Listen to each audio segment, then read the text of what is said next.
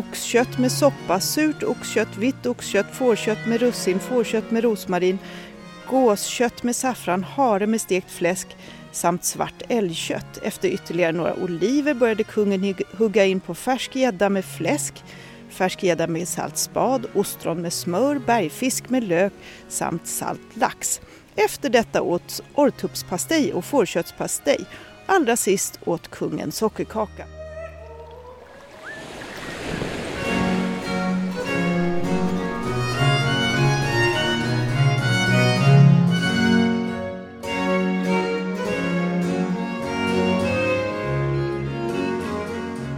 I ett tidigare avsnitt av Vasamuseets podd så vandrade jag runt i museets trädgård tillsammans med Ulrika Flodin Furås som är trädgårdsjournalist och författare och stadsodlare och också den som ansvarar för Vasamuseets trädgård. Och här i vår trädgård odlas sånt som var vanligt förekommande i en köksträdgård på 1600-talet och som skvallrar om vad människor faktiskt åt. Idag tänkte jag spinna vidare på det temat och se hur grönsakerna, baljväxterna och örterna användes. Välkomna till Vasamuseets podd med mig, Katrin Rising.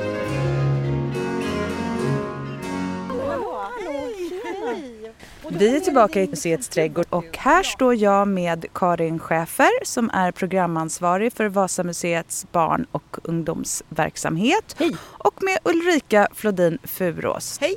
Ulrika, eh, när vi gick omkring i trädgården så var det ju ganska mycket av det som odlas där som jag kände igen. Eh, olika kålsorter, ärtor, sallad, lök och olika kryddor. Var det så annorlunda då mot nu egentligen? Nej, man odlade ju faktiskt ungefär samma saker. Eh, det man inte odlade då som vi odlar massor av nu det är ju jordgubbar och tomat och potatis till exempel. Men mycket av det vi odlar nu finns också här i trädgården.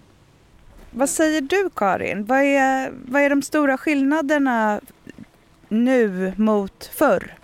Ja, en jättestor skillnad är ju att vi äter så mycket mer färsk mat än vad man gjorde på 1600-talet. Och det gällde ju inte bara de som var ombord på skepp utan även på land. Att en stor del, av året så var det torkad mat som gällde. Torrt bröd, torkad fisk och torkat kött eller saltat. Eh, medan idag så köper vi ju precis när vi vill ha någonting så köper vi det. Och då är det i allmänhet färskt. Sen är det ju väldigt mycket större variation i vad vi äter idag. Vi har många frukter att välja på och jättemycket grönsaker. Eh, alla har råd att köpa saker som kommer från andra sidan jorden. Eh, så det är en mycket större bredd och eftersom det är färskt så är det också mycket mer näringsrikt. Kan du berätta lite mer om vad åt vanligt folk och vad åt adeln? Precis, och det är ju väldigt stor skillnad eh, vilken del av 1600-talet man pratar om. För att i början av 1600-talet så var ju, och när Vasa byggdes så var ju Sverige ännu inte riktigt en stormakt. Så de här skillnaderna mellan hög och låg eller vad man ska säga, de ökar ju i takt med att eh, Sverige stiger upp som en stormakt och också de här adelsmännen ser lite grann vad deras eh, gelikar på kontinenten har för vanor och tar med sig det tillbaka hem. Eh, och det finns faktiskt de som klagar på att man inte riktigt kan se skillnad på adel och bönder i Sverige ibland. Men det finns ändå skillnader eh, och eh, ja, adeln de kunde äta ganska enkel mat till vardags men sedan när det var fest så då hade man riktigt, riktigt mycket mat och gärna mycket kötträtter. Eh, och kött var ju något som ja, signalerade status kan man säga. Gemene man åt ganska lite kött på den här tiden. Eh, det som var den vanliga maten det var ju olika typer av rovor, eh, bönor, ärtor, eh, bröd, gröt. Det var sånt som folk hade mycket på bordet. Men när det var fest så kunde det bli kött också. Fisk var väl lite mer vanlig till vardags. Men skillnaden var inte alltid bara i vad man åt utan hur man åt det. Alltså hur mycket man åt och hur många rätter det var. Var det stora fester så lagade man gärna till otroligt många rätter som serverades i något som kallas för anrättningar. Som var som en anrättning kunde bestå av 30-40 rätter och sen kom nästa anrättning och den sista anrättningen var det ofta då eh, också dessert så med olika konfekt och sånt.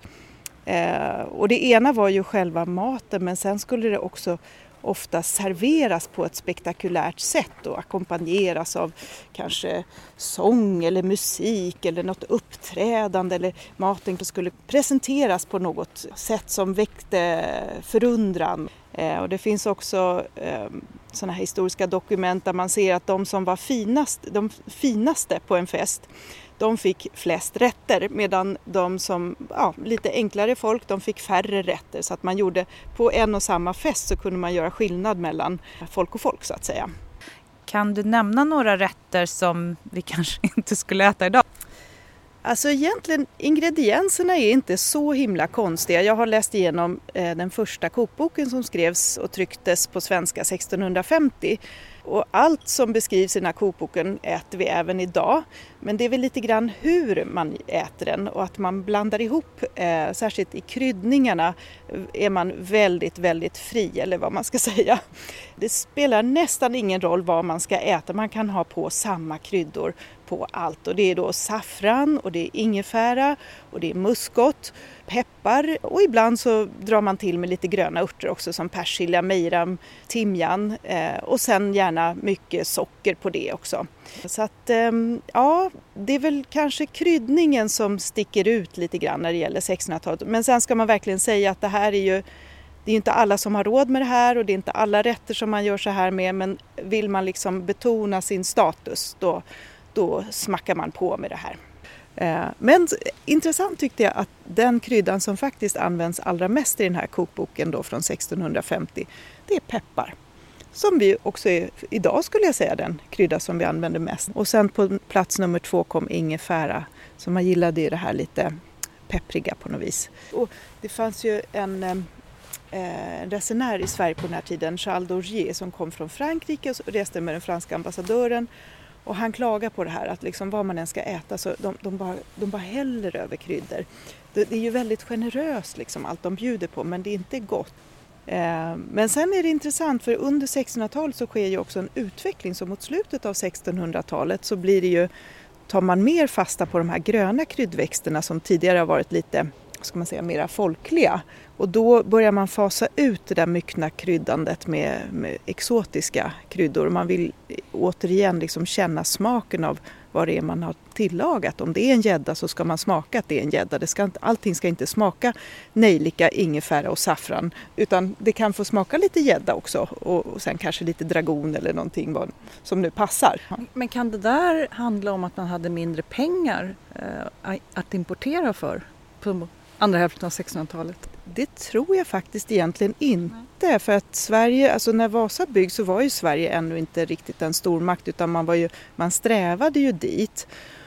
Och för de flesta människor så var det inte aktuellt att krydda med, med de här exotiska kryddorna. Men det var liksom, det blev en, en utveckling som förstärktes under 1600-talet när man, Sverige steg upp som en stormakt och man också såg vad åt man på kontinenten och hur åt man och sådär. Eh, så att vad det har att göra med man, man kanske tröttnade. jag vet inte. Um, men uh, ja, uppenbarligen den här franska uh, fransmannen på besök, han tyckte att det här var märkligt. Ja, det kanske var så att det var franska influenser, jag, jag, jag vet faktiskt inte. Nådde en annan förfining där på slutet av 1600-talet? Ibland så står det i litteraturen att man hällde på så mycket kryddor för att dölja att maten var dålig men det kan lika gärna handla om att man ville betona sin status. Vi har råd att köpa de här kryddorna. Det viktiga var ju inte heller alla gånger att det skulle vara gott utan det skulle vara spektakulärt. Eh, så kanske det också kan inordnas under det, liksom att det ska se det ska se ut. Sen kan, är det lite svårt att följa de här recepten för det är inga måttangivelser eller så eller det står ju inte hur länge någonting ska koka eller hur fint man ska hacka någonting utan det är ju ganska mycket, ta lite av det här och så blandar du det med det här och så kokar du en stund tills du tycker det verkar lagom. Vilka var egentligen målgruppen för den? Vilka kunde läsa och följa en kokbok? Ja, vad ska man säga? Läskunnigheten steg ju under 1600-talet så från reformationen och framåt så blev det ju viktigare och viktigare att människor kunde läsa. Eh, skriva var inte lika viktigt men man skulle förstås kunna läsa Bibeln och eh, katekesen. Däremot så var ju en kokbok, eh, vad ska man säga, en bok överhuvudtaget en dyr sak att ha. I den här kokboken så är det alla möjliga recept och det finns också recept där det står för en arm gesäll, alltså för så det finns recept som är liksom billiga eller vad man ska säga. Men eh, i slutändan så var det nog de som hade råd som kunde köpa den här kokboken. Du har också med dig en bok Ulrika. Kan du berätta om den? Åh, oh, det här är en mycket, mycket nyttig örtabok som kom ut 1628, så samma år som Vasa förliste. Och den är skriven av Arvid Månsson i Rydaholm. Och här eh, räknar han upp väldigt mycket eh, läkeörter som vi kanske idag tycker främst är sånt som vi äter. Bondbönor till exempel och morötter och sådär. Så att när jag är i trädgården så, så, brukar jag ha med mig den här ganska ofta och bara kolla i och se vad, vad använder man saker till. Ehm, men den är också väldigt rolig att läsa, både språket men också hans sätt att resonera. Vissa saker verkar han ha provat ut och då, liksom, då skriver han det hjälper i slutet mot till exempel hjärnavarv som är då yrsel. Så, så kan det stå i slutet så här, ta den här örten och så står det det hjälper, punkt. Och sen finns det andra eh, liksom, rekommendationer där han är mindre säker. Då står det det hjälper om Gud vill. Och så, ibland står det probatum est, det är troligt, alltså det är troligt att det hjälper. Eh, jag kan läsa här till exempel om morötter till exempel. Ja. Lägger man morötter i skivor, hennes blad små, stötta ut i såret så läka det, alltså såret väl. Eh, fröet av den rätta, sönderstött och druckit, vederkvicker den förtappade mans natur. Eh, alltså det är ju lite svårtolkat. Vad säger du Karin? Ja, det låter ju som någon som ja, på något sätt moraliskt har kommit in på fel vägar i livet. Och moroten kan också användas till att dräpa maskar i livet, alltså i magen. Det är ganska mycket av de här läkeörterna som man kan använda till typ samma sak. Eh, jag kan läsa här till exempel om vitlök. Han är skarp och haver dessa 13 dygder och så räknar då Arvid Månsson upp. Eh, han driver ut de brede maskar av livet. Den torkar magen. Han gör törst. Han åtskiljer och förskingrar väder och blåst och öppnar buken. Alltså man kan fisa om man har ätit det. Han står emot en förgifts som en rasande hund bitit haver om han drickes med vin och löken lägges på såret. Sjudes vitlökar i vitt vin och drickes är det gott för gammal hosta. Och så vidare och så vidare. Men den här är fantastiskt rolig att, att ha med sig och läsa. Och då tänker jag Ulrika, vad har vi här som du brukar ta upp i den här eh, örtaboken och prata med besökare om? Ja, men vinrutan som är där borta i hörnet brukar jag nämna för att den var jättebra mot pesten. Eh, om man hade en vinruta stående utanför förstukvisten så gjorde vinrutans doft att pesten inte kom in i huset till exempel. Finns det belagt i någon historisk källa? Nej, det finns ju inte belagt men det är ett exempel på hur den här läkekonsten också är väldigt blandad med magi och något slags magiskt tänkande vid den här tiden. Jag vill, jag vill prata mer om sockret. Karin, jag tänkte på um, det du sa att eh, sockret användes kanske inte bara för att det var gott utan för att eh, det fanns eh, möjlighet att visa att man hade råd. Och då tänker jag, hur viktig var måltiden som social händelse på 1600-talet? Bjöd folk hem varandra på middag så som vi gör idag? Ja, det gjorde man och det var ju särskilt i högre ståndsmiljöer var det ju väldigt viktigt som ett sätt att bilda allianser och bekräfta att man var eh, ja, goda vänner och sådär. Så och bjöd man hem då ville man gärna bjuda stort och fint och så småningom så urartade det här så att eh, på 1660-talet så kom det till slut överflödsförordningar som reglerade hur mycket man fick bjuda. Eh, vad det gäller gemene man så gick de säkert hem till varandra och åt. Eh, det är ju ofta väldigt mycket svårare att veta saker och ting om, ja, om bönder till exempel på 1600-talet. Men just genom till exempel flottan och armén så vet vi ju lite bättre vad de åt. Eh, genom de fynd man har gjort på Vasa vet man också lite mer hur man åt, alltså att man åt ur gemensam skål.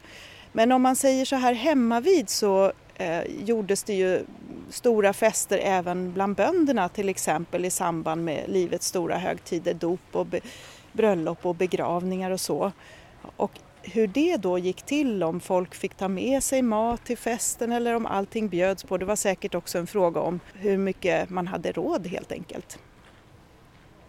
Nu eh, nämnde ju du eh, bönderna eh, men då funderar jag förstås hur det var för människor i städerna.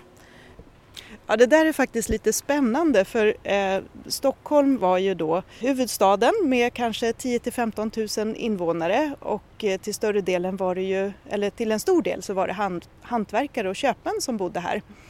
Eh, och eh, bebyggelsen koncentrerades i det som vi kallar för Gamla stan och delar av Norrmalm.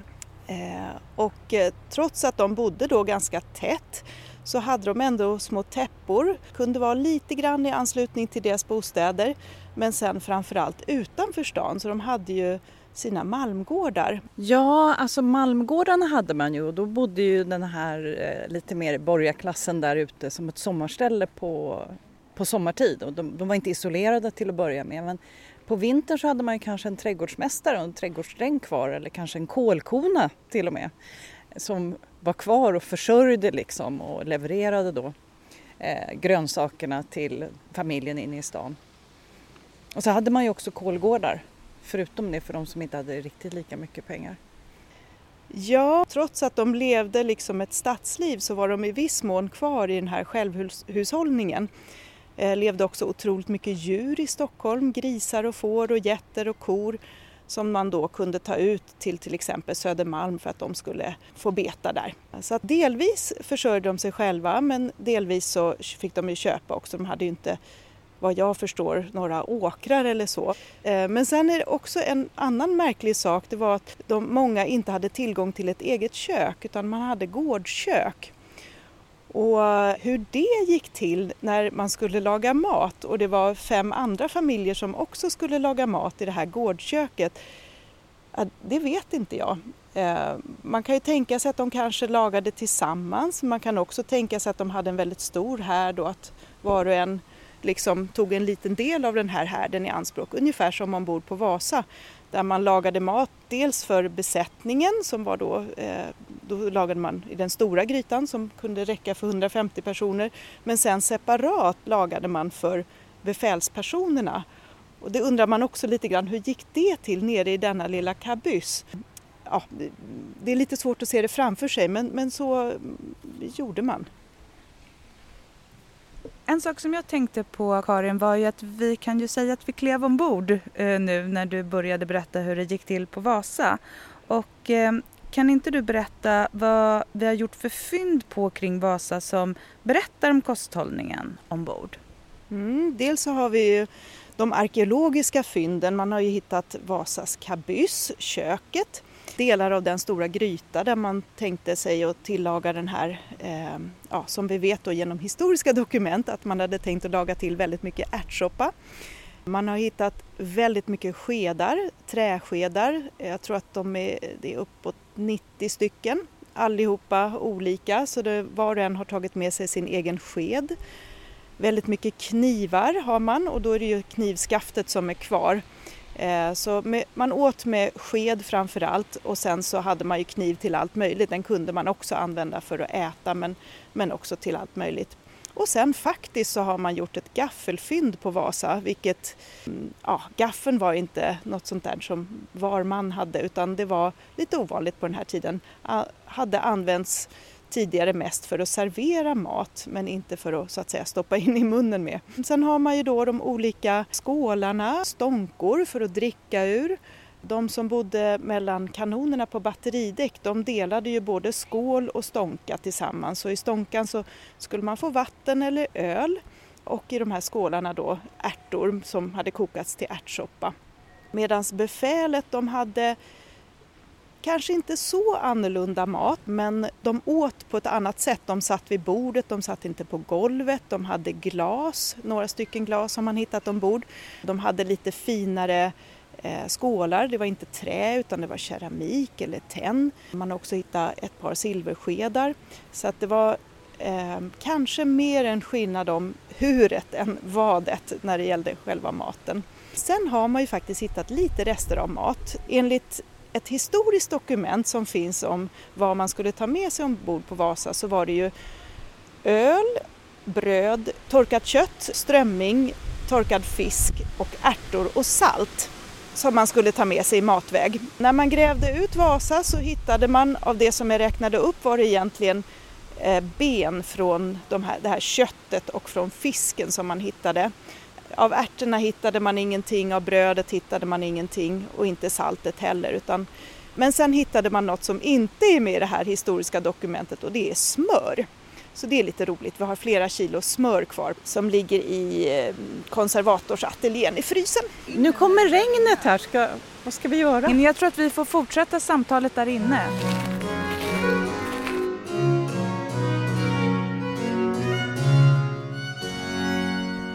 Förutom mat på skeppet och i samhället i allmänhet så antar jag att det dracks väldigt mycket alkohol. Ja, det stämmer. Eh, ombord på Vasa skulle man ju få upp till tre liter öl per person och dag. Men då var ölet betydligt svagare än vårt starköl. Det kanske höll en alkoholhalt på 1,5 procent. Eh, de som bodde i kajutan fick lite finare öl och finare i det här sammanhanget var då lite mer alkohol och också lite mer humle i så att det smakade bättre och var lite, lite starkare. Eh, så ja, det dracks ganska mycket alkohol men, men jag tror inte man kan säga att folk var berusade. Det var ju också förbjudet att vara berusad ombord och farligt. Man var ju van vid att dricka lite alkohol liksom kontinuerligt under en dag och även barn drack ju öl. Så man ska nog inte föreställa sig att folk liksom rumlade runt utan ja, alla drack hela tiden lite grann. Ja men ölen är ju något, det är ju verkligen det vi dricker i Sverige och särskilt i Stockholm där, där dricksvattnet var väl helt odrickbart. Men eh, humlen är då konserverande. Och det var ju också ett påbud att alla bönder skulle ha humlestörar.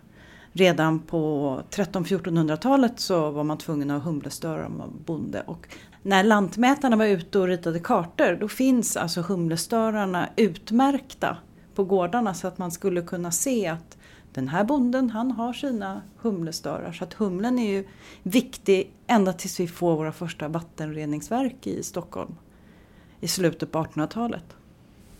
Jag skulle just fråga det varför eh, folket inte drack vatten istället för öl, men då var ju det svaret. Jag tänkte fortsätta höra hur det var ombord, Karin. Du berättade ju om vad som fanns kvar när skeppet hittades, men också att det fanns förteckningar över sånt som då inte fanns kvar. Vad, vad fanns det på de här provianteringslistorna? Ja, då är det ju då skipsöl, alltså skeppsöl, står det där eh, bröd och då var det torkat bröd eh, bakat på råg eller korn. Eh, ofta var det osaltat när man bakade till flottan för att det inte skulle dra åt sig fukten. Så det var väldigt hårt, man var tvungen att blöta upp det för att det skulle gå att äta. Så man kunde doppa det i soppan eller i öl eller så. Sen torkad fisk och där har man nu analyserat fiskbenen så man vet vilka fiskar det rör sig om. Så det är många olika men bland annat gädda. Och strömming står som en särskild post och där vet vi inte riktigt om det var saltad strömming eller inlagd eller hur man åt den. Och sen kött eh, och det var torkat och sen ärtor. Och eh, om man beräknar hur mycket ärtor det är per person och dag så borde det bli ungefär tre kvarts liter ärtsoppa per person och dag. Och sen var faktiskt salt någonting som man delade ut som en ranson så troligtvis för att folk då skulle kunna fiska eller ja, för vissa också möjlighet att jaga och sen kunna salta in. Och eh, inte för Vasas del men eh, när det gäller ett annat skepp så var den dagliga ransonen 77 eh, gram eh, salt per dag. Väldigt mycket skulle jag vilja säga. Ja, där hade man antagligen räknat med att folk skulle eh, fiska och ha användning för det här saltet. Nu kom ju inte Vasa så himla långt men jag antar att hon var fullt provianterad när hon seglade iväg för tanken var ju att hon skulle vara ute ganska länge ändå. Man brukade proviantera för kanske sådär fem veckor i taget. Och man har hittat hundra tunnor ombord på skeppet. En del tunnor användes ju till andra saker. Det fanns ju tunnor för krut. En del tunnor användes också för förvaring av personliga ägodelar, eh, för vatten och för öl. Så att hur många exakt av dem som användes för mat vet jag inte. Då tänkte jag gå tillbaka till det som odlades. Fanns det möjlighet att ha några små odlingar ombord? Ja, det fanns möjlighet. Nu var det ju ofta ganska trångt på de här skeppen eh, med alla kanoner, 450 man som skulle samsas. Eh, så i Östersjön är inga sådana eh, odlingar kända men däremot när man skulle ut på långresor över Atlanten eller Stilla havet då hade man ju ofta med sig både levande djur och man kunde ha lite små odlingar och eh, då var det väl i praktiken mera eh, små kryddträdgårdar eller kryddland som det rörde sig om för att ja, förhöja smaken på det man lagade. Eh, det räckte ju inte så att säga till att mätta en besättning. Jag tänker Karin, på krigsskeppen som ju låg ute långa tider i sträck. När provianten tog slut och säg att skeppet var i något annat land, vad, vad gjorde de då? Ja, man försökte ju eh, köpa mat på plats eh, men det här var ju ett jätteproblem under de här stora krigen som eh, rasade på den här tiden. Att försöka hålla en armé eller en flotta mätt. För om folk inte är mätta så blir de ju sjukare och de, eh, kamplustan avtar och eh, ja, det kan helt enkelt spåra ur fullständigt. Så att det var ju otroligt viktigt och ett jättestort problem att försöka eh, hålla soldaterna mätta. Det finns belagt i historiska dokument hur de försöker att hitta mat på olika håll. Eh, om man tänker sig då den här blockaden utanför Danzig så var det ju ett problem för att om man gick i land där, ja det var ju fiendeland. De fick ju förstås inte sälja mat till svenskarna. Så då var man tvungen att åka längre bort eller kanske hämta det från Sverige. Så det var verkligen någonting som man funderade väldigt mycket på. Jag tänkte på en annan sak när det gäller det här med, med proviantering och sånt där. Eh, vi har ju väldigt en eh, väldigt kort sommarsäsong här i Norden. Så att man var ju enormt beroende av sina odlingar. Man var också beroende av att det skulle vara bra somrar. Så att det var ju väldigt skört hela det här systemet kan man säga. Och man tänker att man måste ha odlat väldigt mycket som gick att torka också. Som eh, bondbönor och ärtor. Man måste ha odlat enorma mängder av de här råvarorna. Hur utbrett tror du att odlingskunnandet var bland gemene man? Ja, det kan man ju fundera på. Om man tänker på de som var hantverkare i stan så kanske inte alla kunde odla så himla bra. Eller hade tid att odla. Och var man adelsman så var det väldigt fint att kunna någonting om odling och trädgård och såna här saker. Och ha en trädgård var en statussymbol. Sen får man ju betänka också att de flesta bodde på landsbygden och där var ju alla bönder i princip alltså 90 procent av Sveriges befolkning och de kunde ju naturligtvis odla därför att de var helt beroende av det för att klara livhanken. Ja, då har i alla fall jag lärt mig mycket både om 1600-talets odling och mathållning och eh, vad för slags recept det fanns. Karin, kan vi inte avsluta den här podden med att du läser något riktigt smarrigt recept från 1600-talet? Jo, då ska vi se här som ett litet exempel ur den första kokboken på svenska. Höns att koka med ris. Skjud först hönset halvsudet. Ta så hönset upp och lägg risen i samma sådet och när risen bliva avsudna lägg så hönset däruti igen. Ta så muskateblommor ett stort stycke smör, kanel, korinter, socker och russin och små hela lökar och låt det väl sjudas. Giv så upp. Giv så upp det, servera, eller eh, lägg upp det så att säga. Ja, det var ett litet recept från den här kokboken. Ja, det var ju öppet för mycket tolkning kan man säga. Nu vill jag tacka dig Karin för att du var med. Tack. Och tack också Ulrika för att du tack. var med. Och och eh, om du som lyssnat missade avsnittet om trädgården så tycker jag att du ska gå in och lyssna på det nu. Det avsnittet heter Bland hjärtstilla kol och kungsljus i Vasamuseets trädgård. Hej då!